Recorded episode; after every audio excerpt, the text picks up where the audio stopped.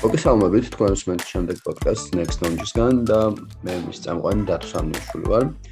და საუბრო ძალიან საინტერესო თემაზე, რაც მოიცავს ციცოცხლეს. აღარ ციცოცხლეს ამჯერად ვისაუბრებთ თუ როგორი შეიძლება იყოს დედამიწის მიღმა.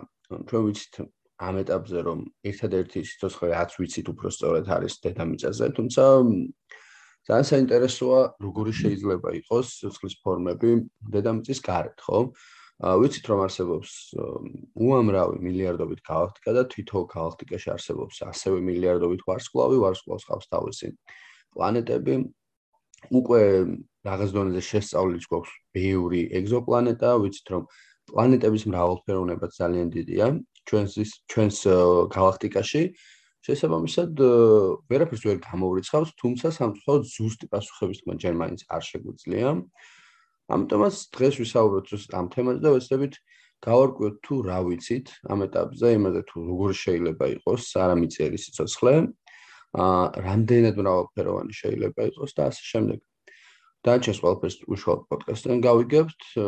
მესალმები ჩვენს დღევანდელ სტუმარს, ზაზა ოსმანოვს, ფიზიკოს, აა რომელსაც ძალიან საინტერესო ლექცია ქონდა მე თან მოусმინე. ზუსტად ამ თემაზე და ძალიან მომინდა რომ სან ამაზე მელაპარაკა ჩვენი პოდკასტის ფორმატიდან გამომდინარე. გამარჯობა ზაზა, როგორ ხართ?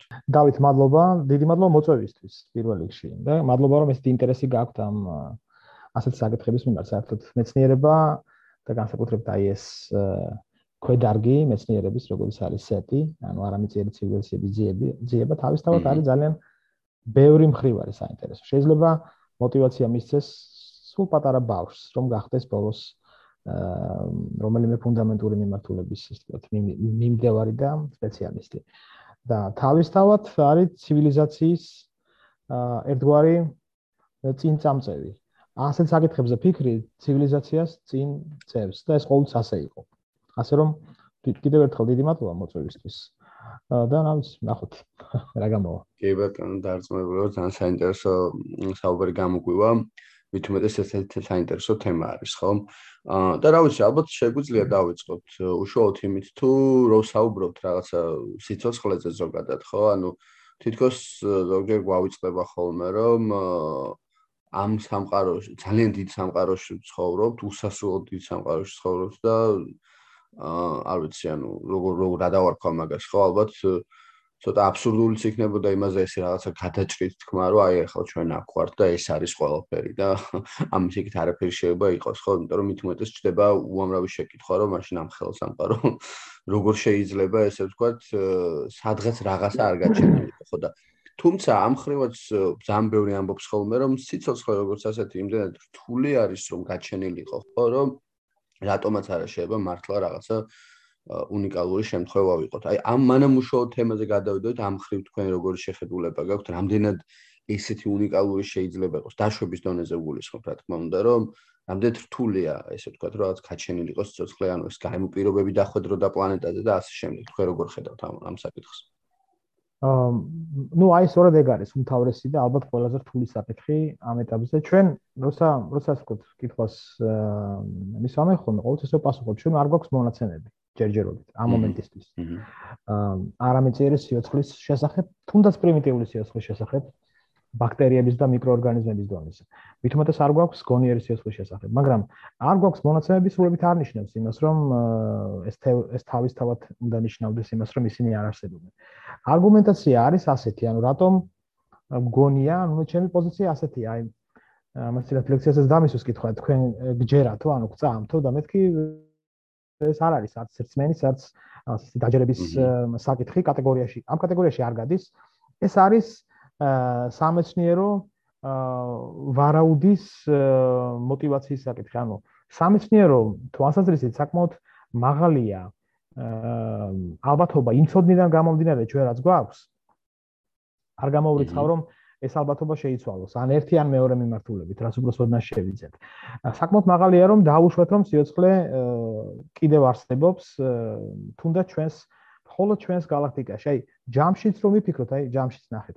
ჩვენს თელ სამყაროში სულ მცირე 100 მილიარდი galaktikაა. და შეიძლება 1 ტრილიონიც. მაგრამ ჩავ ჩავთვალოთ რომ 100 მილიარდია. თითო galaktikაში როგორც წესი 100 მილიარდი მინიმუმ 100 მილიარდი ვარსკვლავია ხოლმე. დღევანდელი კვლევებით ჩვენ უკვე ვიცით რომ რამ ანუ დღეს უკვე რამდენიმე ათეული წელია მიდის ეგზოპლანეტების ძიება. ანუ დედამიწის ანუ მზის სისტემის გარეთ არსებული პლანეტარული სისტემების ძიება. ესეთი ვარსკვლავების ძიება, რომელთაც გააჩნიათ პლანეტები, ანუ პლანეტარული სისტემები. და თანამედროვე კვლევები უკვე დასაბუთებით ამბობს იმას, რომ თითქმის ყველა ვარსკვლავს აქვს ყავს პლანეტარული სისტემა, აქვს პლანეტები. აი დღესდღეობით უკვე რაღაც 5000-ზე მეტია ეგზოპლანეტა ნაპოვნი. ესე იგი 100 მილიარდი ვარსკვლავი თითო galaktikაში და ასეთი galaktikების რაოდენობა 100 მილიარდი, ანუ თითო ვარსკვლავს როგორც მინიმუმ ერთი პლანეტა და წარმოიდგინეთ რამ რამხელა რაოდენობა არის სპორტ პლანეტების, ხო? მცირე აი ერთიანს რომ მიუწეროთ 22 0 რაღაც ასე გამოდის დაახლოებით.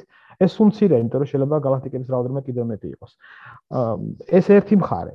რაც გვაძლევს იმის, ასე ვთქვათ, არგუმენტაციას, რომ ამ ვარაუდს დავარქვათ მეცნიერულად დასაბუთებული ვარაუდი. მეორე, ჩვენ სტატისტიკა არ გაგვაჩნია სიოცხლის შესახებ გარდა ჩვენისა. ანუ ეს არის ჩვენი ჩვენ ვინც ვართ, ანუ ის ბიოლოგია, რომელიც დედამიწაზე და კვლევები ადასტურებს ეგეთ რამეს, რომ აი როგორც კი დედამიწა პირველადი სახე ასე ისე ფორმირების პროცესში ოდნავ გაცივდა, დაახლოებით სადაც 3 ესე იგი 3.19 მილიარდი წლის წინ უკვე პირველი ბაქტერია არის ნაპოვნი, თქო, დასაბუთებულად რომ ვიცით რომ ეს ცოცხალი ორგანიზმი იყო. აა რას იმას ნიშნავს რომ როგორც კი გაცივდა დედამიწა, უცბად გაჩნდა სიოცხლე. ანუ აქედან ჩანს რაღაც უცნაურობა ერთი მხრივ.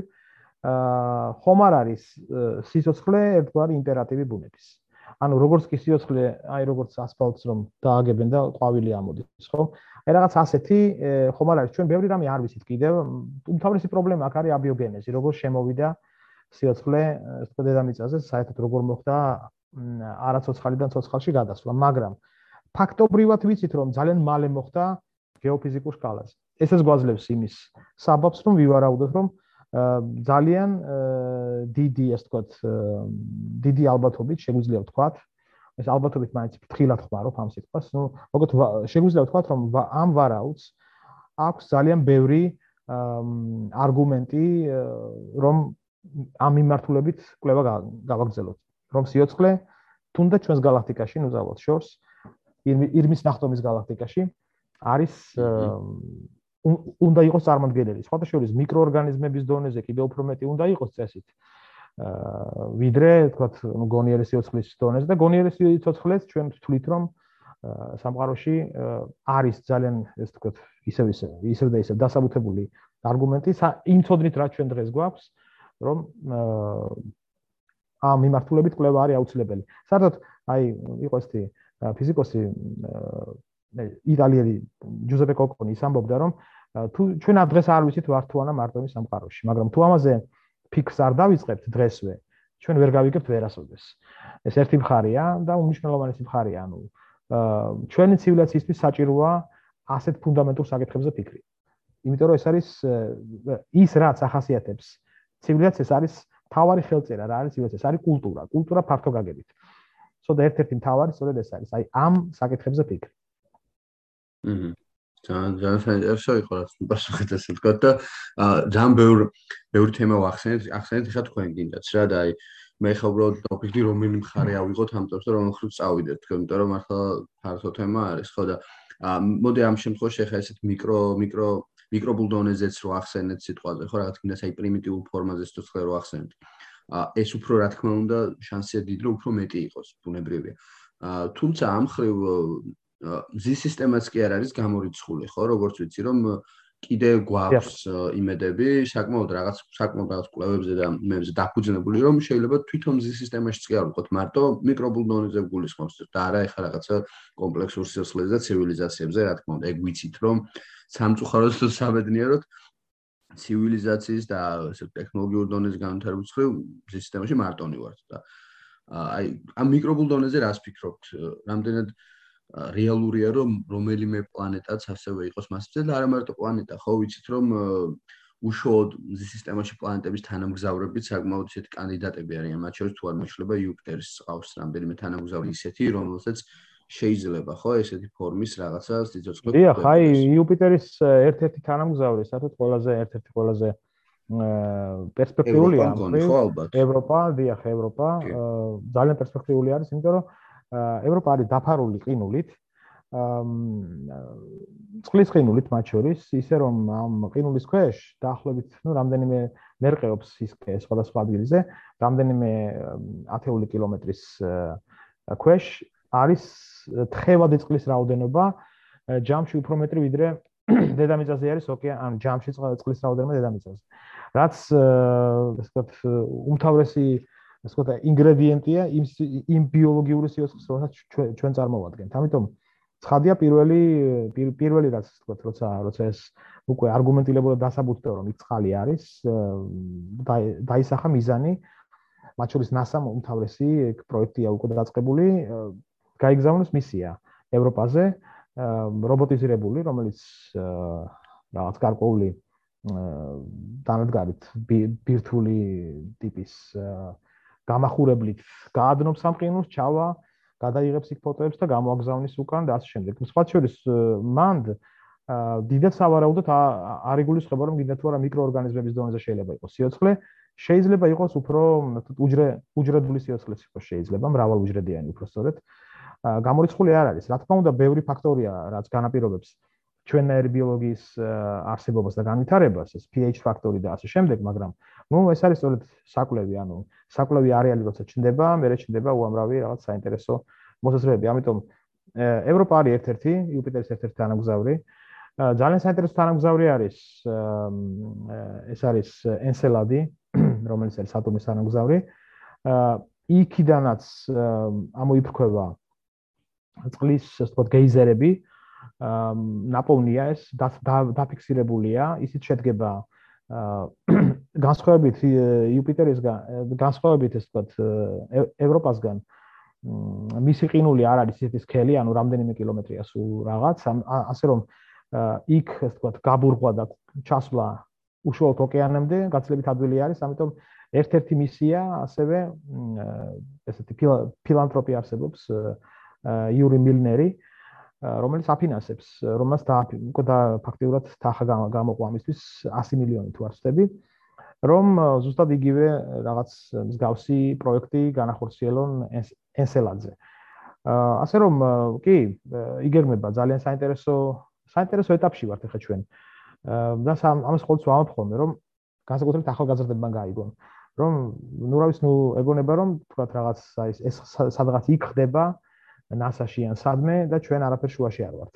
კი, ეს ბავშვები, აი დღეს რომ ბავშვები არიან, შეიძლება ხვალ აღმოჩნდეს სწორედ იმ NASA-ს ცენტრში და ეს ძალიან რეალურია ამას ვამბობ. მათთვის არის სამყარო ღია და დრო ძალიან საინტერესოა ამ ხრი. ასე რომ მიკროორგანიზმების დონეზე და მით უმეტეს შეიძლება მრავალ უჯრედიანი სისტემები იყოს ცოცხალი, საკმაოდ საკმაოდ რეალისტურია. რომ ვეძებოთ და შეიძლება შემდეგ ვიპოვნოთ კიდეც სწორედ აი ჩვენს უახლოეს სისტემაში, თავად ჩვენ სისტემაში, ძი სისტემაში. აა, კი ბატონო. თუმცა აი რაღაც ახლა მე-20 საუკუნეში განსაკუთრებით უფრო ალბათ ადრეულ პერიოდში მე-20 საუკუნეს აა იყო რაღაც ესე თქვა ძალიან დიდი იმედები და პროგნოზები რომ საერთოდ მარსზე უნდა ყოფილიყო არა მარტო მიკროფონდორზე ხო რაღაცა ცაც ცივილიზაციების იმედი ქონდათ და ხო ჩას ერთ-ერთი ა რა ქვია ქალის არკეში ესეთი ნაწარმოები არის ქართული sci-fi არის და ერთ-ერთი გამონაკლისია ამ ხრემდო სამწუხაროდ არ გვაქვს ბევრი ნაწარმოები ამ ჟანრში დაწერილი და სადაც მე-20 საუკუნეში არის დაწერილი საწყის პერიოდში და მანდაც ეს არის ზუსტად რომ თუ არ მეშლება მარსზე არის ეს რაღაც უცხო ცივილიზაციის სიასთან კონტაქტს ამყარებენ და თან ეს ქართველები არიან სიუჟეტში და კურსის უცნაურად ხდება რომ ქართველები იყვნენ ამას მაგრამ ნუ მაშინ სპაჩურის სპაჩურის ერთი ჩვენი უფროსი კოლეგა არის ნუ ესეთი ძალიან ტიტულოვანი ფიზიკოსი არის ჯონი შკარეული რომელიც ამბობს ხოლმე რომ თუ ქვეყანას არ აქვს სამეცნიერო ფანტასტიკა, მას არ გააჩნია მომავალი. ასე რომ ეგეც არის. ძალიან მიხარია რომ დღეს არის რაღაც ასეთი ძრები თუ არის. სხვა ჩვენს მე პირველად გავიგე ახლა. აუცილებლად ნახავ წავიკითხავ. ხო, კი და ანუ მაგხრივ ეს ძველი ძველი ნაწარმოებია გულისხმობ რა მე-20 საუკუნის დასაწყის, მაგრამ ნამდვილად კარგად უწერია და იმ დროის სამეცნიერო ფანტასტიკისთვის რო შეადარო მაშინდელ ავტორებს საკმაოდ რაღაც ტექნოლოგიურ ინოვაციებს ესე რაღაცებს წინასწარ მეტყოლებს სხვათა შორის რა იქ მათ შორის ტელეფონ თანამედროვე ტელეფონთან მიახლოებულ ტექნოლოგიებს და ასე შემდეგ. ძალიან ძალიან საინტერესოა. მე ქართველებიდან ისე ფანჯაკიძესთან, ნუ აი ხა ძალიან კაი. კი.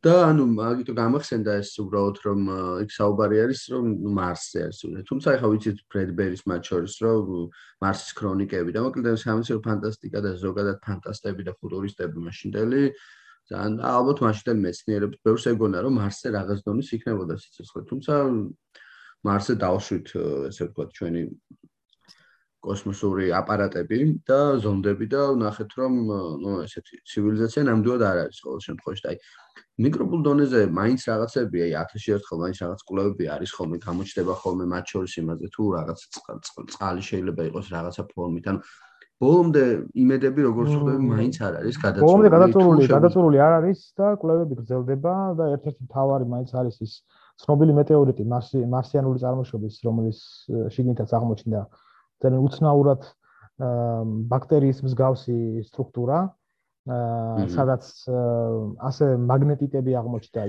ისე დაალაგებული რომელიც მხოლოდ ცოცხალ ორგანიზმში ორგანიზმში ლაგდება ეს მაგნეტიტები ანუ ეს კვლევა დღია და ანუ ამან კითხვები დაბადა ძალიან ბევრი. ამავე დროს ნამდვილად ვიცით რომ წყალი იყო მარსზე ოდესღაც და ნამდვილად ვიცით რომ დღეს ალაგ-ალაგ ჩდება თხევადი წყალი ასევე. ანუ წყალი არის უბრალოდ ყინულოვან მდგომარეობაშია მაგრამ დღეს ვიცით რომ თხევად მდგომარეობაში ხანდახან გამოჟონავს ხოლმე. ერთ-ერთი ფერდობიდან ჩამოჟონავს გადაღებულია მაგალითად. ამიტომ ეს კითხვები დღეს არის თუ არა? პირველი კითხვა. ადრე თუ იყო წყალი ხომ არ შეიძლება რომ იქ ვეძებოთ ასე თქო ძველი ნარჩენები სიცოცხლის რომელიც იყო და აი დღევანდელი დღევანდელი იგივე curiosity რომ არის მარსზე დაბოდიალობს ხო ასე თქო აი ამ მისი ერთ-ერთი ამოცანა არის სწორედ ეგ ასტრობიოლოგიური კვლევის ნაწილია. ანუ გამოიკვლიოს ნიადაგი, აიღოს ანალიზი ამ ნიადაგიდან და დაადგინოს იქ იყო თუ არა, ან ეხლა არის თუ არა მიკრობულ დონეზე სიოცხლე. პრობლემა ის არის, რომ რადიაცია იმდენად დიდია, რომ თავად ზედაპირზე დიდად საუბრობთ ანალიზი სიოცხლე არ იქნება, მაგრამ ზედაპირის შიგნით სულ რაღაც რამდენიმე სანტიმეტრში უკვე მოსალოდნელია, რომ იქ რაღაც ექსტრემალურ პირობებში არსებობენ მიკრობები, რომლებიც ეს ექსტრემალურ პირობებში ძლევენ. ამიტომ ესეც ეს ვარიანტის განება როგორც ერთ-ერთ ვარიანტად და ნუ აი ეს მთელი კვლევების სერია, ანუ მათ შორის მარსის კვლევა, ჯერ ანუ ამ ხრივ არ დასრულებულა. კითხვაზე მარსზე არის თუ არა სიოცხლე, ჩვენ პასუხი ჯერჯერობით არ გვაქვს, რომ არა. ჩვენ ვიცით რომ დონიერი არ არის, მაგრამ არის თუ არა მიკრობულ დონეზე, ამაზე პასუხი არ გვაქვს. დასაბუთებული საბოლოო ვარიანტი, ვერდიქტი გამოტანილი არ არის. აჰა. კი ბატონო, ხო რაღაცა ეგეთი გქონდა მეც ინფორმაცია. აა აი გონიერი რო ახსენე, თუცა თავში დამარტყასავით, რომ აა რო ახსენე, რომ თი ცივილიზაციის დონეზე რა თქმა უნდა არ არის თქო სიცოცხლე, მაგრამ აი ხო ახსენეთ იქ ევროპა და ისინი ღრმაყინული რაღაც ბურღი რო გჭირდება რომ ჩავიდეთ ხმად და ცივილიზაცია არა, მაგრამ აი გონიერი სიცოცხლე რაღაც დონეზე რამდენად შეიძლება იყოს მანდ ისევ რა. გულისხმობ აი რაღაც ცხოველურ დონეზე რაღაც წყლის არსებები. გინდათ ხა აი წყლის დათვი რო ყავს ხო დედამიწაზე ვიცით რომ ეს ხო გამორიცხული კოსმოსშიც გაძლებდა და ხო გამორიცხული არაფერი გამორიცხული ნამდვილად არაფერი არ არის იმის გამო რომ წყლის რაოდენობა ძალიან დიდია ამიტომ ასე ვთქვათ მრავალუჯრედიანი სისტემა მათ შორის ესეთი ასე მოდი ჭყალებში ვიტყვი ეს ძუძუმწოვრების მსგავსი არსებები კი სრულად შესაძლებელია რომ იყოს სრულად შესაძლებელია გამორიცხული არ არის უბრალოდ კიდევ ერთხელ ჩვენ არ ვიცით იმ წყლის პარამეტრები რასაშუალებას აძლევს ასეთ ბიოლოგიას. ხა მე ჯერჯერობით ვაპარაკობ ასეთი ბიოლოგიის კონტექსტში, იმ ბიოლოგიის, რაც ჩვენ ვიცით და რასაც ჩვენ წარმოვადგენთ. მაგრამ შეიძლება კიდევ ალტერნატიული ბიოლოგიის ვარიანტებიც იყოს. ანუ, ანუ ევოლუცია ხო ეს რაღაცაა, ევოლუცია არის ისეთი რამ, რაც ომი არ წაუგია არასდროს. ამიტომ შესაძლებელია ევოლუციამ გარკვეულ ექსტრემალურ პირობებში ამ შეგუების მიმართ სწრაფვამ სისტემა გადარჩეს ამ ამის ხარჯზე. ანუ შეეწყოს იმ ოპტიმალურ გარემოს, იმ ექსტრემალურ გარემოს ოპტიმალურად შეეწყოს როგორც შეიძლება. ასე რომ ხო, ძალიან ბევრი ღია ნაწილია, ღია ასე ვთქვათ, თეთრი ლაქა აქ. ეს მეორე მხრივ კარგიცაა თეთრი ლაქების არსებობა. რა თქმა უნდა, ეს ძალიან კაია. იმიტომ რომ გვაძლევს საშუალებას ფართო არეალის კვლევის. რაც უფრო ბევრი რამ არ ვიცით, მით უფრო ბევრი კვლევა შეიძლება დაიგეგმოს. და კვლევა კიდევ ერთხელ ამბობ, კვლევა ეს თან ფართო გაგებით არის სწორედ აი ცივილიზაციის ერთ-ერთი მთავარი ნიშანი, ანუ ხელწერა. თუ ცივილიზაცია არ იკვლევს არაფერს, ანუ მარტივად ვთქვა, თუ ის არ შეიმეცნებს არაფერს, ის არ არის ცივილიზაცია. ასე რომ სწორედ აი აქ სუახეთკენ მივდივარ ხოლმე, როცა იგივე საჯარო ლექციებზე ვამბობ, ყოველთვის ხას უსვამ, რომ ბავშვებმა გაიგონ, გაიგონ, რომ ცივილიზაცია მაშინ არის ცივილიზაცია თუ ის შეიმეცნებს მის გარშემო არსებულ სამყაროს ძალიან ფართო გაგებით. ამ შემთხვევაში ამაზე ფუნდამენტური კითხვა ვარ თუ არა მარტო სამყაროში არ არსებობს, ასე რომ გონიერი სიოცხლე, აი თუნდაც ეგეთი მარტივი ტიპის ინტელექტი მრავალუჯრედიანი კი შეიძლება იყოს ამ ჩვენს უახლოეს სისტემაში, ჩვენ სისტემაშიც კი. გამორიცხული არაფერი არ არის, მაგრამ ნუ აი რა პირობებს რა რის უფლებას გვაძლევს იქაური ფიზიკური, ქიმიური, ბიოლოგიური პირობები, ეს არის გამოსაკლები და ამიტომ საჭიროა მისიები, როგორც როგორც ევროპაზე, ისე ენსელაძე.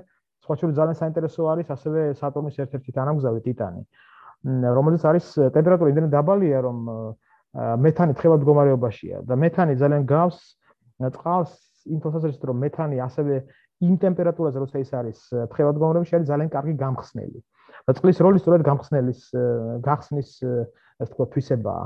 რის გამოც ჩვენ წყალს ვიყენებ და ჩვენი სიცხლის წყალზე დაფუძნებული. ამიტომ გაჩნდა ესეთი იდეა, რომ ტიტანზე შეიძლება იყოს სხვანაირი ტიპის სიცხლე, არა წყალზე დაფუძნებული, არამედ იგივე მეთანზე. და არა ნახშირბადზე, არამედ დაუშვათ სილიციუმზე. ნუ აქ კითხები მაინც არის, მაგრამ მაგრამ ყოველში თავად ეს იდეა რომ ალტერნატიული ბიოლოგიის ცნება შემოვიდა, შემოვიდა კარლ სეიგანის წყალობით მეტწილად ძალიან დიდი გარღვევა აზროვნებაში ამ მიმართულებით. აა, საინტერესო.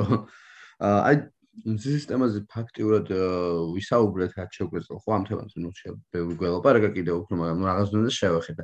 მინდა რომ იმაზეც მოვასწროთ. აა მზის სისტემის გარეთ რა, ანუ აი ეგზოპლანეტებზე რო საუბრობთ და რეალურად თქვენც ახლა უკვე მაგას ამბობდით, რომ ალტერნატიული ბიოლოგიაც ახსენეთ და აი მეგზოპლანეტებზე რომ ვისაუბრეთ, ვიცი რომ არის ხო კანდიდატები, რომლებიც ალტერნატიული ბიოლოგიის გარეშეც, ну აი მიმსგავსებულები არიან თქოს დედამიწას იმ ფორმატით, რომ ისე არიან დაშორებულები თავიანთ ვარსკვლავს და ის ვარსკვლავიც რომლებიც დაახლოებით შეიძლება იყოს ჩვენი მზის ხელ და ასე შემდეგ. ანუ აი შორიდან როგორც გამოჩნდებოდა ვიღაც ასტრონომს და აი როგორც პლანეტა დედამიწა სიტყვაზე რაღაც ესეთი რაღაც მიახლოებით ეძახიან ხოლმე ხო დედამიწის ტყუპის ძალებსაც და აი ამ ხრივ რა მდგომარეობა გვაქვს ეგზოპლანეტების ხრივ რამდენი იმ აღმოჩენილი და იმ შესწავლილი ეგზოპლანეტებიდან რამდენი რეალური კანდიდატი ყავს და რამდენად მრავალფეროვანი არის ეს კანდიდატები ესე ვთქვათ აი ამ ხრივ რა შეგვიძლია ვთქვათ. ხო ну აი ჯერ ერთი უკვე ამ ეტაპისთვის სულაც რამდენი ათეული წელია მიმართულებით მიდის კვლევა ასტრონომების რომ ეძებონ ეგზოპლანეტები და უკვე 5000-ზე მეტი ეგზოპლანეტაა ნაპოვნი 5100 რაღაც სუსტი რიცხვი აღარ მახსოვს, მაგრამ მოკლედ 5000-ზე მეტია. ყოველ დღე შეიძლება ამ წუთშიც კიდევ ერთი ეგზოპლანეტა არის აღმოჩენილი და ესე რაღაც ძალიან დიდი რაოდენობით უკვე ვიცით პლანეტ ეგზოპლანეტების რაოდენობა. ამადგან, რა თქმა უნდა, უფრო საინტერესო არის მეტნაკლებად დედამიწის მსგავსი პლანეტები, ანუ მოდი ეს ვთქვათ, დავა კონკრეტებ რას გულისხმობ. გულისხმობ კლდოვანი ტიპის პლანეტებს. ამ პლანეტები არსებობენ გიგანტური, იგივე იუპიტერი, რომელზეც პირდაპირ გაგებით ვერ გაივლი, იმიტომ რომ ზირთაში გაზისგან შედგება.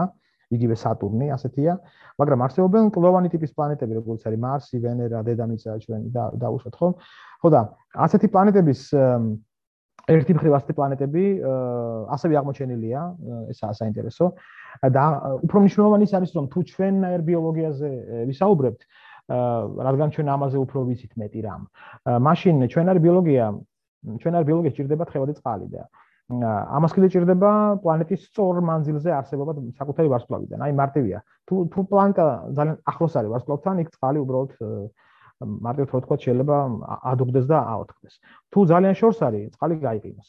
ამიტომ უნდა იყოს რაღაც ოპტიმალური მანძილი, ამას ვეძახით საიცოცხლო ზონას ამ მანძილს ეს მანძილი არ არის ერთი კონკრეტული მანძილი, ამიტომ რაღაც პატარა არეალია, არც ისე დიდი სხვათა შორის ზონაში, სიგანეში. და ნუ აი რა თქმა უნდა დედამიწა სასოფლო ზონაშია. აი სხვა შორის ვენერა და მარსი არიან გარეთ. ამიტომ ჩვენ არის სიოცხლე იქ ვერ იქნება, მაგრამ შეიძლება იყოს სხვანაირი, ხო და აი ამ ხრივ მიდის ზიება სწორედ ისეთი პლანეტების, ისეთი ეგზოპლანეტების აი ამ კატალოგიდან რაც მე გითხარით 5000-ზე მეტი ისეთი ეგზოპლანეტების აღმოჩენა უფრო საინტერესო, რომლებიც იმყოფებიან სასწავლო ზონაში. და ასეთები აღმოჩენილი არიან. მათ შორის არის რამდენიმე ძალიან საინტერესო. ერთ-ერთი არის იგივე პროქსიმა ცენტავრი, რომელსაც რამდენიმე პლანეტა აქვს და იქიდან ასევე რამდენიმე არის უპირობოდ ერთი არის ეგზოპლ ჰაბიტაბელურ ზონაში, ანუ საერთო ზონაში და კიდევ არის ვერსია, რომ კიდევ შეიძლება იყოს ბოდიში ტრაპისტი.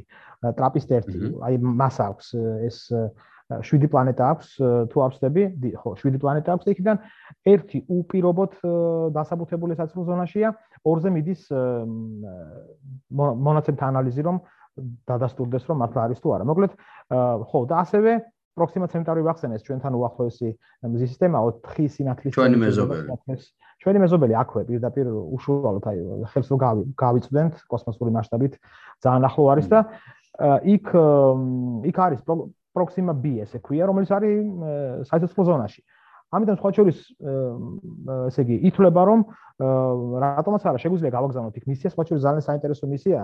4 სინათლის წელი ეს ნიშნავს რომ სინათლის სიჩქარით უნდა თუ გაუშვებთ რამეს მაშინ ის მას დაჭირდება 4 წელი 4.3 დაახლოებით სინათლის წელი. ანუ 4.3 წელი დაჭირდება სინათლეს მაგრამ ესეთი არაფერი არ გვაქვს ჩვენ. და საინტერესო ისაა რომ აი იური მილნერი რომელიც ვახსენე მას აქვს მან და აც გარდაცვლილმა სტივენ ჰოკინგმა დადეს 100 მილიონი ამ პროექტზე რომ ეგრესებული ელექტრომაგნიტური ალქნების მეშვეობით ანუ ესე გაიგოს ლაზერები ლაზერთა სისტემა დედამიწაზე აიგოს სპეციალური იალქანი ანუ იალქანი გულისხმობ რაღაც სარკე რომლის ცენტრში დამონტაჟდება პატარა ჩიპი რომელიც რომელიც რომელიც იქნება დაახლოებით როლი იქნება მისი გადაიღოს ფოტოები და გამოგზავნოს უკან და აი ჩიპი უნდა ჩიპზე ჩიპი უნდა ჩარჯდეს ასე ვთქვათ აი მიალქანში პირობითად. და ჩვენება ანუ გამოთქვა საკმაოდ მარტივია ეს ფაქტიურად ჩემ სტუდენტებსაც ვაძლევ ხოლმე ამას. რომ ასეთი იალქანი მიაღწევს მეტამატერიალები ძალიან არის ესეთი ნიუტრიენტები რომლებიც ძალიან ჩატები არიან და გამძლეები არიან. ისინი ასე ვთქვათ მიაღწევენ ისეთ სიჩქარეს შეიძლება მიაღწიოს ისეთ სიჩქარეს რომ ეს დისტანცია დაფარდა დაახლოებით 20 წლის განმავლობაში. 20 წელი არც ისე სუდია, როცა 4 სინათლის წლის იმაზე ლაპარაკი. ხო და იქიდან მე გამოაგზავნე უკვე სინათლის სიჩქარით ელექტრომაგნიტური გამოსხივებით. გამოაგზავნე გადაღებული ფოტოები. ეს მისია იგი ანუ დაწყებულია უკვე.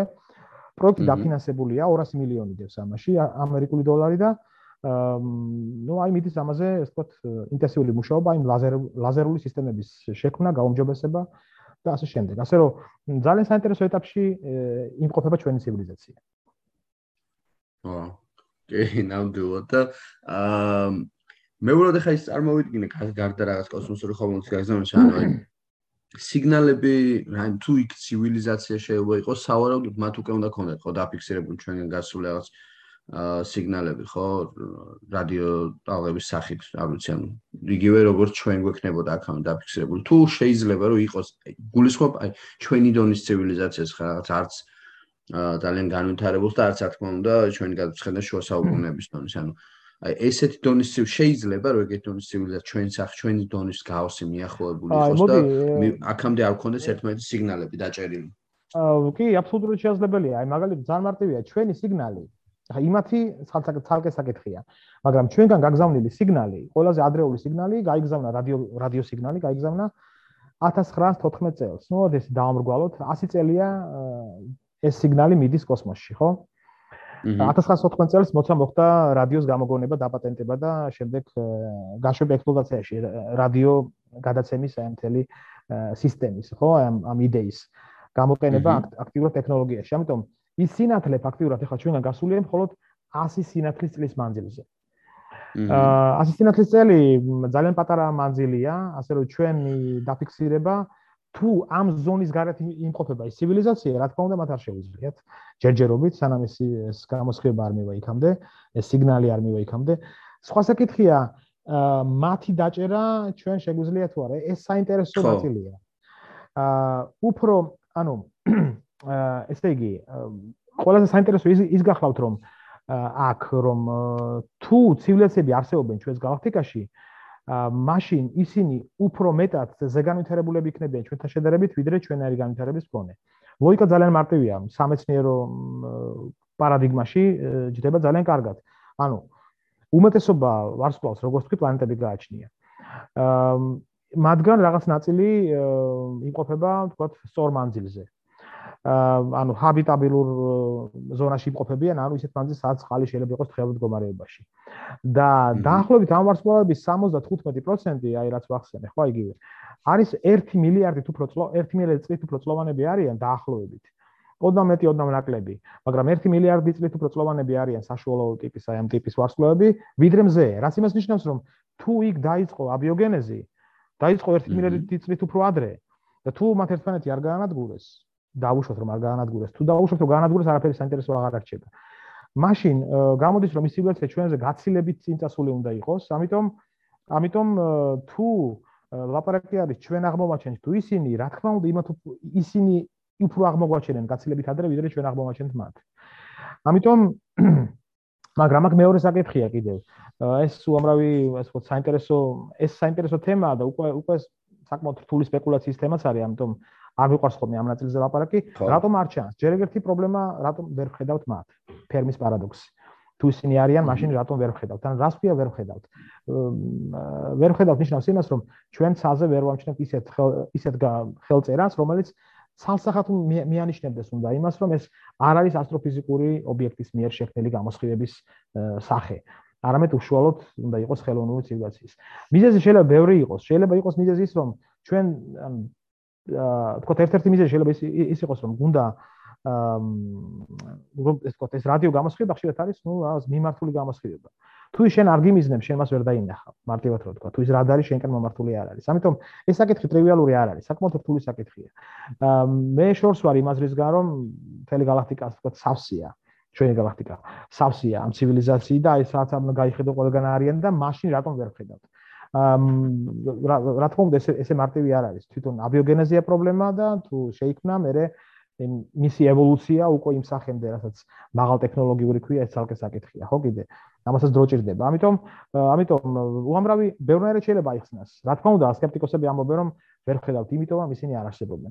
კაი წერტილი დაისო მაგრამ ეს მე არ მომწონს ეს მიდგომა გეტყვით რატო იმიტომ რომ ეს ფაქტიურად ნიშნავს ჩაკლა კვლევა კვლევამ შეიძლება მაინც გიჩვენოს რომ ისინი არ არსებობენ. მაგრამ ამ კვლევის პროცესში ჩვენ აუცილებლად უამრავ რამეს აღმოვაჩენთ უამრავ რამეს გავაკეთებთ.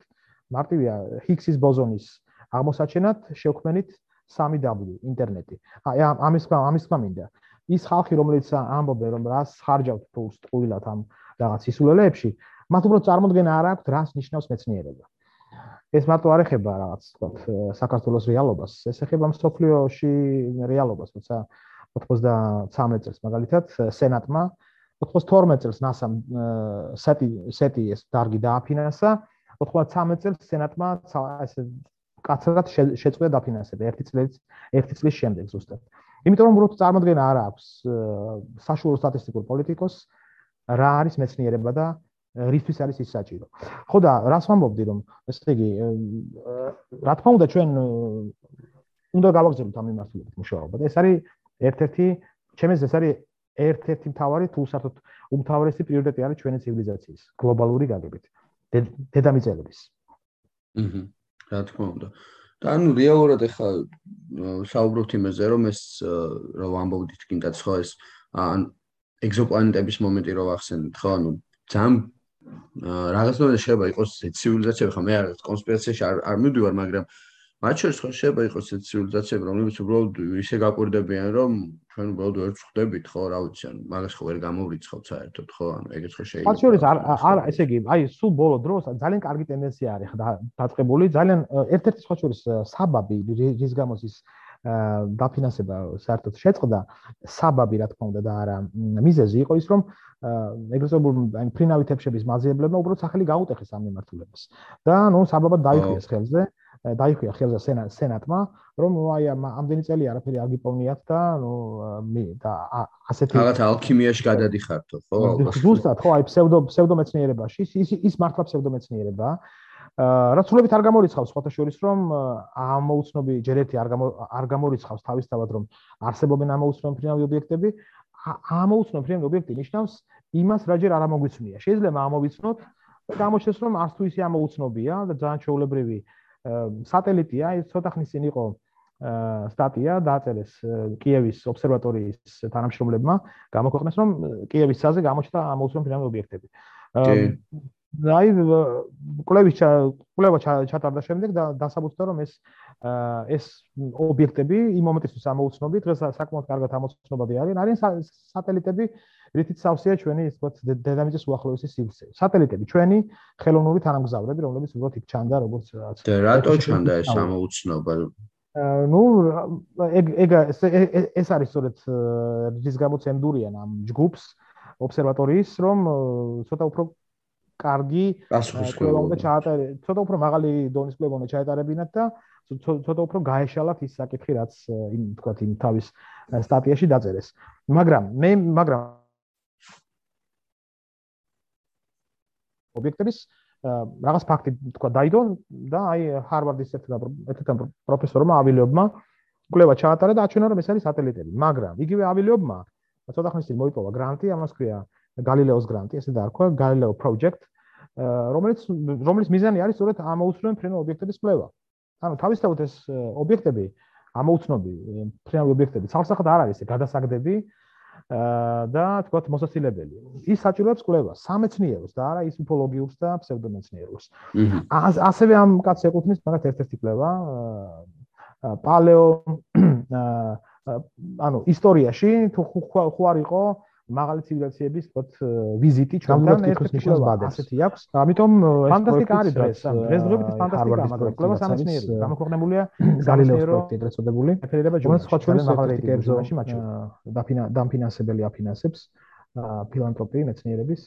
მან ძალიან წაადგება ამ მიმართულებას. თან ავილობი ამავდროულად არის ცნობილი იმით, რომ ის აი ცნობილ ასტეროიდს ომუამოას თulis არამიწიერი წარმოშობის ხელოვნურ თანამგზავრად. და ამბობს რომ ეს თანამგზავრია და გარკვეული მოძრები აქვს, ამაზე მიდის დებატები ღია, ერთმანეთს არინდობენ მისი ოპონენტები და ავილეობი. მოკლედ, ну, აი საინტერესო ეტაპია, მაგრამ ფაქტია რომ ფაქტია რომ კლევის ეტაპი დაიწყო ამ დარგშიც, UFO-ების დარგშიც, რაც მისასალმებელია და იმედია ის ფსევდომეცნიერული ჯგუფები ამ ნელ-ნელა გაქრებიან ამ ამ არეალიდან და თანაც NASA-მას დაიწყო დაფინანსება უკვე ზოგადად SETIS პროექტის, აი Search for Extraterrestrial Intelligence, არამიწიერი ცივილიზაციების ძიების პროექტის, რაც ნიშნავს იმას, რომ ახალი ერა დაიწყო. და ნუ ნახოთ. საით წავა ასე თქვა. აჰა. ხო, ეს ის რო ახსენეთ თქვენ ის ჰავაის ენაზე ქვია, ხო, ეს ენა ენა კი არა სიტყვა, სკაუტს, სკაუტს ნიშნავს თუ არც მოგზაურს. ხო, მოგზაურს და უფრო რაღაცა მასაც დამკვირვებელსაც თუ რაღაცა დაახლოებით ეს ნიშნავდა, რომელიც შემოვიდა და გაკვირდებოდა. აა მაგაზე რას ფიქრობთ, ანუ რამდენად რეალური შეიძლება იყოს რაღაც ეგეთი ობიექტები მართლა დავაფიქსიროთ, იმიტომ რომ მეც ეს მაგხრივ მე ვარ ძალიან სკეპტიკურად, იმიტომ რომ მე მიმეჩნია რომ ან ციური შეეულებით თუ სიტყვაზე რაღაცა კოსმოსური ხომალდი თუ რომელიღაც ცივილიზაცია აქამდე მოაღწევს ის უნდა იყოს რაღაცა ზე ცივილიზაცია ხო ალბათ სავარაუდ ხარ.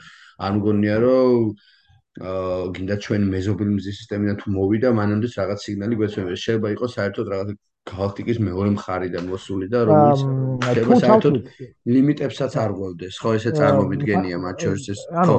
ანუ ზოგადად სტატისტიკურად ეგრეა მართლა აი მე რაც ვახსენე რომ უფრო მე უფრო მეტწილად უნდა იყოს ზეგანვითარებული მაგრამ თუ ჩავთვლით რომ ეს თქოთ დაიწყო იმ ცივილიზაციამ ათვისება დაახლოებით რაღაც რამდენიმე ათეული ან ასე რამდენიმე ასეული მილიონი წლის წინ galaktikis მაშინ არ არის გამორიცხული აი ძალიან მარტივი მარტივი გათვლებით შეიძლება ჩვენება რომ აა 100 თუ ისე მაღალი სიჩქარით იმასთან შედარებით რა სიჩქარესაც ახლა არ მითარებს კოსმოსური ჩვენი თქვა ხომალდები რამდენიმე ათეულჯერ მეტი სიჩქარეს რო იყოს რაც არ ნიშნავს ჩვენთან შედარებით ზე ცივილიზაციას აა რამდენიმე ასეულ მილიონ წელში მას შეუძლია დაფაროს თელი დიამეტრის ჩვენი galaktikis დიამეტრის შესაბამისი დისტანცია.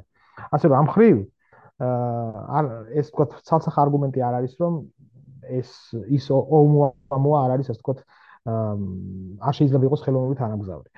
თუმცა მე მაინც არ გამოვრიცხავ რომ მისი მოძრაობის უცნაურობა მაინც მაინც რაღაც ასტროფიზიკული წარმომავლობის შეიძლება იყოს არ არ გამოვრიცხავ და შეიძლება მართლაც არ არის არ არის ისეთი ანუ იმ წარმომავლობის როგორც რაც ამბობს აი ეს ჩემს მიერ ხსენებული მეცნიერი. ხო, ყოველ შემთხვევაში არაფერი ანუ ეგ ვარიანტიც მისაღები არის, უფრო მეტი შანსი რა თქმა უნდა ალბათობის თვალსაზრისით გვაქვს ისეთ ცივილიზაციასთან შეხვედრის, რომელიც ჩვენზე გაცილებით წინ არის წასული, მაგრამ არც ჩვენთან ოდნავ მიახლოებულიც არ არის ნამდვილად უარსაყოფი და გადასაგდები. ამის თქმა და ხანდაშო ეს კი ბატონო. ალბათ აი მინდა რომ იმაზეც ვისაუბროთ მოვასწროთ უბრალოდ აი ეს ალტერნატიული ბიოლოგია რო ახსენეთ რა. ამ ხრივ რამდენად შეგვიძლია ვისაუბროთ? აი საერთოდ თუ შეგვიძლია ვისაუბროთ, იმიტომ რომ ეს უკვე რაღაც იქნება ლიმიტებია ჩვენთვის ამ ეტაპზე, იმიტომ რომ არა, ნამდვილად შეგვიძლია, ნამდვილად შეგვიძლია რაღაცებზე ვისაუბროთ, იგივე როცა წამოვიდა იდეა რომ ეს ცნობილი ტერმინი აქვს კარლ სეიგანს, ის ამობს ნახშირბადული შოვინიზმი, ესე ეძახის, რატომ ვეძებთ გინდა თუ არა ნახშირბადზე დაფუძნებულ სიოცხლეს. შეიძლება იყოს თუ არა სხვა კი შეიძლება გამოჩნდა რომ აი შეიძლება იყოს სილიციუმი. რატომ? იმიტომ რომ სილიციუმი ну როგორც ვარაუდი იმიტომ რომ სილიციუმი ასევე ქმნის ხუთ ბმას დანარჩენებთან დანარჩენ ატომებთან ანუ ქიმიური რეაქციაში რაღაც გავსათ უნდა შედიოდეს თუმცა არც ეგრე მარტივადაა საქმე მის რაოდენობით კი ქმნის მაგრამ გაცილებით რთულია შემდეგი ელექტრონების ასე ვთქვათ ჩაბმა მასში ვიდრე ნახშირბადში არის. შეაძლებელი. ასე რომ მაგრამ თავად ის ფაქტი რომ მეცნიერული ანალიზი ჩატარდეს, რამდენად შეიძლება ალტერნატიული ბიოლოგია, ვთქვათ, შემოვიდეს აი არეალში, ხო, თავისთავად ძალიან კარგია და იმიტომ რომ იმიტომ რომ სამყარო იმდენად მრავალფეროვანია, რომ მხოლოდ ერთი მიმართულებით ფიქრი ნამდვილად სამგებიანი იქნებოდა. აა, იმიტომ ჩვენ მიჩვეული ვართ, რომ ასე ვთქვათ, სტერეოტიპულად, რომ თუ იქ ვინმე არის, ორი ხელი, ორი ფეხი უნდა იყოს, რაც ესეთი ანთროპომორფიზმიდან გამომდინარე გამომდივართ, რომ ხელის ჩამორთმევა შეიძლება. ასე რომ ეგრე არ არის. შეიძლება არ შეიძლება ხელის ჩამორთმევა მრავალი მიზეზის გამო, შეიძლება ტოქსიკურია, შეიძლება მაღალ ტემპერატურულია, შეიძლება ძალიან დაბალ ტემპერატურულია ჩვენთან შედარებით. არაფერი გამორიცხული არ არის. უბრალოდ იმის გამო რომ ეს დარგი, ხა მე თვითონ ბიოლოგი არ ვარ, ამიტომ აქ სიღრმეებში ვერ ვერ შევალ. მაგრამ ეს დარგი თავისთავად ძალიან ახალია, ანუ თეორიული ბიოლოგია როგორც ეგეთი არ არსებობს, ანუ თეორიული კონტექსტი და აქ სწორედ თეორიული ბიოლოგია შემოდის აი ამ სააზროვნო სივრცეში და ამაზე მსჯელობენ საკმაოდ აქტიურად. იგივე კარლ სეიგანი ამბობდა, რომ იუპიტერზეც კი შეიძლება იყოს სიოცხლე სხვანაირი ფორმის. ესეთი მედუზის ფორმის გიგანტური ეს მინახავს მაგის ილუსტრაციები. ხო, ხო, ხო, მას თავის წინში არის. ხო აი ასე რომ თავ თავად კარლ სეიგანი აი იმიტომ არის უნიკალური ფიგურა რომ მან გახსნა აი ეს სივრცე სადაც შეიძლება მეცნიერულად დაიწყო ძალიან თითქმის წარმოუდგენ რაღაცებზე ფიქრი. ეს არის ძალიან საინტერესო და მნიშვნელოვანი. და ჩვენ ახლა დღეს მაგალითად აი ამ ამ ეტაპ ამ ეტაპში შევდივართ ფაქტიურად სამეცნიერო საზოგადოება. დღევანდელი ჩვენი. კი ბატონო ეს ალტერნატიული ბიოლოგია მე დავიხვიე შეიძლება ხელზე, მაგრამ ძალიან მომწონს და ძალიან ჩემს რაღაც ბევრი ფანტაზიას ხსნის რა და ეხლა ტოქსიკურობა ახსენეთ და ძალიან საინტერესო არის შეიძლება ალბათ ჩვენს ვიყოთ რომელიღაც ცივილიზაციისთვის ანალოგიურად ტოქსიკური ხო რა თქმა უნდა აბა რა ის თუ ძალიან ბუნებრივი ის ჩვენთვის იქნება ჩვენს მათთვის ვიქნება. აბსოლუტურად რა თქმა უნდა კი კი. ასე რომ ის რაღაც სტერეოტიპი რომ გამარჯობა ნახვამდის და თქო დედამიწას შეუყვარდება არამიწია უცხო პლანეტელი და პირიქით ცოტა ის არის. ეგ ეგ ზუსტადაც რომ არ მგონია რეალისტური. მე უფრო რეალისტური მგონია სხვა სხვანაირი კონტაქტი ტექნოლოგიური კონტაქტი. კი ბატონო და უფრო ან ხო ნუ ფიზიკის კანონები ყველგან ერთია უნივერსალურია და რაღაცა დონ ამ დონეზე შეიძლება იყოს ალბათ. აი ეგ გვაძლევს ჩვენ ვთქვათ იმის იმის პერსპექტივას გვაძლევს სწორედ ეგ ფაქტი რომ ჩვენ ერთ სამყაროში ცხოვრობთ რომ თუ ისინი ტექნოლოგიურები არიან მაშინ აა ვთქვათ რაზე არიან წამსვლელები თუ მათაც იციან რომ ყველაზე გავრცელებული ელემენტი სამყაროში არის წყალბადი მაშინ ძალიან ბუნებრივია რომ აა ესე იგი რადიო მესიჯი იყოს იმ სიხშირეზე რომელიც წყალბადის გამოსხივებასთან არის დაკავშირებული 21 სანტიმეტრი ტალღის სიგრძე. ან ან მისი, ასე ვთქვათ, ვარიაციები, ასევე საინტერესო ვარიაციები, მარტივ რიცხვებზე ნამრავლით მიღებული სიხშირეები, ან პი-ზე გამრავლებული პი-ის ცნობილი დიამეტრი წრის გაყოფილი ანუ წრის სიგრძე გაყოფილი დიამეტრზე. და ასე შემდეგ. ანუ რაღაც ისეთი საინტერესო, აი, რაც კარლ სეიგანის ცნობილი ციგნის სცენარის მიხედვით აი შექმნილ ფილმში კონტაქტში არის აა თქო გადმოცემული, ანუ აი ეგ არის სწორედ ეს თქო საინტერესო. თუ ჩვენ თუ მათაც შეემეცნებული, ან თუ მათაც შეიმეცნეს სამყარო ისე მინიმუმ ისე როგორც ჩვენ, მაშინ ისინი მიხვდებიან, რომ რადიო მესიჯი არის ყველაზე უფრო მომგებიანი, თუ შენ გინდა მას გააგებინო, რომ ეს მესიჯი არის შექმნილი ხელოვნურად. აჰა. აჰა. უნივერსალური შეიძლება ითქვას. დიახ, დიახ, დიახ, დიახ. აი, უბრალოდ ეხა მე მინდა წარმოვიდგინო ყველაზე უცნაური, აი მსგავსი რაღაც აი carbon based life forms so are trend შეგვიძლია ვთქვა აი როგორი შეიძლება იყოს ყველაზე უცნაური მსგავსი სიცოცხლე აი რაზე შეიძლება იყოს ის დაფუძნებული რომ აი ჩვენთვის უცნაურია თქვა ძალიან დაბალ ტემპერატურული შეზღუდულობა სინამდვილეში. კი კი ძალიან დაბალ ტემპერატურული იგივე ტიტანზე და ტიტანზე ხლა ეგეთ სიცოცხლე არ არის ფოტოები გადაღებული ვის რომ გონიერი არ არის მაგრამ ესე მოდი ვიფანტაზიოროთ შეიძლება იყოს თქვა ისეთი სიცოცხლე სადაც სილიციუმი ან მისი მსგავსი ელემენტია ნახშირბადის მაგივრად და ნუ არის გამხსნელი არის არა წყალი არამედ მეთანი და ჩვენ თუ ძირითადად შევდგებით წყლისგან რომ ჩვენ რომ გაგწურო წყალი გამოვა მეტწილად აი ის არსება რომ გაწურო გამოვა მეთანი. რომელიც სხვა შორის ჩვენთვის არც თუ ისე არც თუ ისე სასიამოვნო არის არც გემრიელი და არც ასე რომ აი ეს ტოქსიკურობა რომ ახსენეთ სწორედ ეგ არის. ასე რომ არ ვიცი ძალიან ძალიან ფართო არეალი აქვს ამ შემთხვევაში აი მაგ ტიპის სპეკულაციას, მაგრამ ამ სპეკულაციასთან სამეცნიერო გასავალიც აქვს. ანუ ხალხი არის ვინც მუშაობს მაგ მიმართულებით, შეიძლება თუ არა სილიციუმზე დაფუძნებული სიოცხლე იყოს, შეიძლება თუ არა ნახში ეს რა ქვია მეთანზე დაფუძნებული და საერთოდ როგორი ტიპის სიოცხლე შეიძლება იყოს კოსმოსში. კარლ სეიგანი იმას ამბობდა, რომ შეიძლება იყოს სიოცხლე, რომელიც არის პლაზმური მდგომარეობის, პლაზმურ მდგომარეობაში. ასეთი ძალიან ძალიან ესეთი ველური იდეაა, მე რომ მკითხო. ჩემთვისაც წარმოუდგენელია, მაგრამ ნუ აი პლაზმური როგორ შეიძლება იყოს, ხო? ხო, აი როგორ შეიძლება პლაზმა იყოს მაღალ ორგანიზებული, კონდეს ინტელექტი და ასე შემდეგ, ხო? აი საინტერესოა. მაგრამ ნუ აი ეს არის, ამიტომ არის ის კარლ სეიგანი, რომ მან შემოიტანა ეს. ამ სივრცეში, სააზროვნო სივრცეში ძალიან საინტერესო იდეები. უნიკალური იდეა. სილიციუმს ხო, ხო, სილიციუმსა და მეთანზე რო საუბრობ, სილიციუმსა და მეთანზე დაფუძნებული სიცხლე რა შეიძლება მოიხმარდეს? კიდე საკვებად სილიციუმს? ახო, აი, არ ვიცი, წარმოდგენა არ მაქვს. ეს კიდევ ერთხელ ეს მაინც გობია რომ ბიოლოგებთან ხო არა, ეს თან სპეკულაციაა, მაგრამ თან უფრო ამაზე შეიძლება წმინდა ქიმიის კონტექსში ალბათ საინტერესოთი საუბროს სპეციალისტთან. ეს დავინტერესდებოდი. ასტრობიოლოგმა ალბათ უფრო ხო ამ ასტრობიოლოგი, კი კი, უშუალოდ ასტრობიოლოგები ალბათ ამაზე შეიძლება მსჯელობენ კიდევაც და საუბრობენ კიდევაც.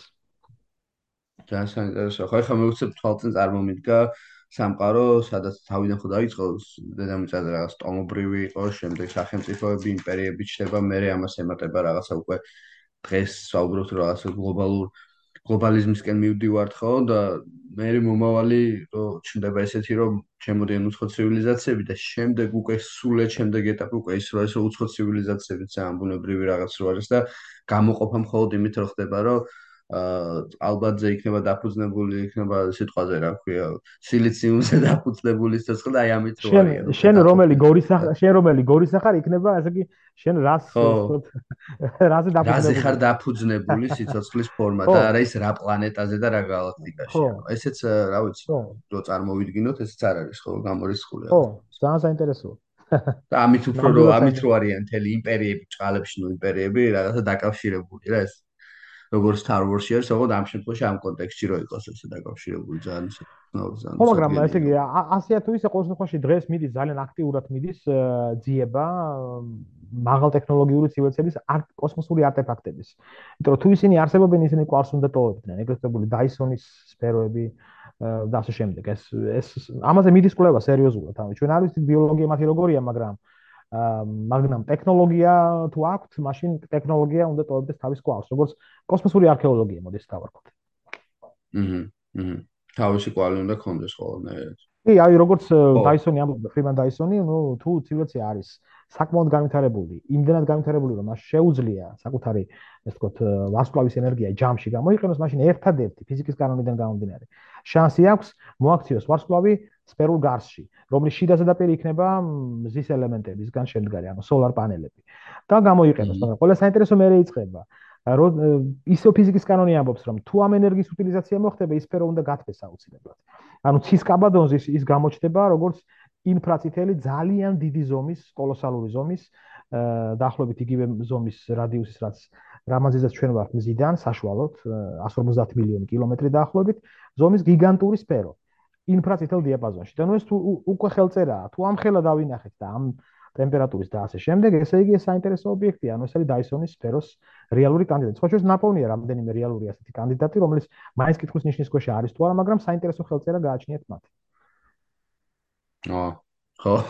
ხო იყო რაღაც მეც მაქვს რაღაც ინფორმაცია გქონდა რომ რაღაც ერთ-ერთი ვარსკვლავიდან მოდიოდა ხო რაღაც სკაუსი და ის ტაბის ვარსკვლავი ტაბის ვარსკვლავი ჩავა ტაბის ვარსკვლავი. პროექტი ის პროექტი ჩავა ანუ აღმოჩნდა რომ არა არ არის ეს ერთ-ერთი თქო ციური სხეული დაიმსხრა ამ პლანეტის სიახლოვეში და ეს ნამსხვრევები ფარავდა მაგრამ მაგრამ არსებობენ რამდენიმე არსებობს რამდენიმე კანდიდატი არსებობს ასევე ჯერ კიდე დარჩენილი რომელიც ასე თქო რომელიც ითვლება კანდიდატად და ნუ საჭიროა დამატებითი დამატებითი კვლევები. აჰა, ეს ტაბი ჩავარდნილია ესე. ტაბი სამსახად არ არის. სამსახად აღარ არა, ტაბი აღარ არის სამსახად უკვე ის რაც იყო, მაგრამ ტაბი ძალიან კარგი ბუსტი, ანუ მისცა მიმართულების, ამ მიმართულებას კიდევ ერთხელ კიდევ ერთხელ მისცა გამოღვიძების საშუალება მოგცა, ასე თქვათ, რომ რაღაც გვეფიქრა ამ მიმართულებით. ეს სხვა შორის არ არის გამორი არ არის პლან ვარსკვლავები ერთადერთი ვარიანტი. შეიძლება იყოს სხვა ობიექტების გარშემო შეიძლება მეგასტრუქტურები ააგოს ცივილიზაცია. აჰა. ახლა უცებ გამიელა თავში რომ რამდენად შეიძლება საერთოდ ვარსკვლავის garaშე, მაგრამ ანუ ხო ვარსკვლავი ანუ არა ეს სრულად წარმოუდგენელია. რაღაც ფეთქებად მდგომარეობაში რო ჩდებოდეს სიცოცხლე უცებ წარმოვიდგინე და მაგ სახით რო იყოს, მაგრამ ალბათ ეს უკვე სრულად ფანტასტიკაა, ხო? ხო, ანუ ბიოლოგია ისე განვითარებული არ არის როგორც ფიზიკა, ასე რომ მანდ ჩვენ არ ვიცი, ვერ ჯერჯერობით ძალიან ბევრი თეთრი ლაქაა. და ბევრი რამე ნამდვილად არ ვიცით. მაგრამ ამიტომაც ვამბობ, ამიტომაც იგივე ჩემი მუშაობის სფერო უფრო რახან ფიზიკოსი ვარ თან. უფრო ფიზიკიდან მირჩევენ, იმიტომ რომ ფიზიკა უფრო განვითარებულია, უფრო შორს ვარ წასული და ამიტომ ამ თვალით სულ არ შევხედოთ იქ ის რა ბიოლოგიაა, რა ტემპერატურებს უძლებს ის ის სიცოცხლე ის, მაგრამ თუ მას ტექნოლოგია აქვს, ტექნოლოგია ცაზე როგორ გამოჩნდება. ეს ამ თავად. ხო ეს საინტერესო რაღაც თქვი ხარ აი ფიზიკა უფრო განვითარებული ვიდრე ბიოლოგია. ზოგადად ძალიან საინტერესოა ეს დარგების განვითარებას. მაინც ხო რაღაც ნომზე არის მაინც კვეთაში გამოდის საბოლოოდ ხო? თუ აი ნუ ასტრობიოლოგია სწორედ ეგ არის. ერთმანეთთან იკვეთება ასტრონომია ბიოლოგია ფიზიკა ასტროფიზიკა ქიმია კომპიუტერული ტექნოლოგიები და მათემატიკა, ანუ ყველაფერი არის ერთად და ამხრივ ინტერნეტ ინტერდისციპლინარული მიმართულება ასტრობიოლოგია, რომ ასტრობიოლოგია, როცა კაცი გეუბნება ასტრობიოლოგია, შენ ვერ ითქვი, ბიოლოგია მარტო თუ თუ ფიზიკოსია, შეიძლება ის შეიძლება ორივეა, შეიძლება ერთ-ერთია. ასე რომ ამ მიმართულებით ძალიან ესეთი დიდი ჯგუფები მუშაობენ ხოლმე როგორც წესი. რომ სხვა სხვა დარგები მოიცვას იმ ჯგუფმა. კი ბატონო. ძალიან დიდი მადლობა მოკლედ, ძალიან საინტერესო იყო ეს ყველაფერი და ძალიან მადლობა, პირიქით. მოვესწროთ, რომ რაღაც დონის, ну მიკრობულ დონეზე მაინც რომ აღმოაჩინოთ ჩვენს სისტემაში. აა მე მგონი მოვესწრებით მინიმუმ იმ მისიებს, იმ მისიებს მოვესწრებით გაგზავნოს. გაიგზავნოს ევროპაზე მაგალითად, ნამდვილად მოვესწრებით. იმედი მაქვს ყოველ თვეში. თუ კიდევ თუ კიდევ რომელიმე თქვათ ჯგუფმა ან სენატმა არ დაბლოკა დაფინანსებები და იმედი მაქვს არა. აა და რა ვიცი, რაღაც საინტერესოს გავიგებთ. მადლობა მადლობა შენ დავით რომ ესეთი რაღაცები გაინტერესებს და აშუქებ ძალიან ძალიან კარგია ეს ესეთი სამეცნიერო მიმართულებით ესეთი პოდკასტები არის ძალიან მნიშვნელოვანი თან ქართულენოვანი ну ხომ ძალიან წირია ჩვენთან და ამიტომ ძალიან კაი აქ საქმეს აკეთებ და ну კიდევ ერთხელ დიდი მადლობა სიამოვნებით მივიღე მონაწილეობა მეც რაც ვიხალისე ამ პატარა შუალეთში ლექციებს შორის კი კი თქვენ ძალიან დიდი მადლობა და წარმატებებს გისურვებთ თქვენს პროექტში და დიდი მადლობა. მადლობა. მადლობა. მადლობა. კარგად. კარგად. კარგად. კარგად.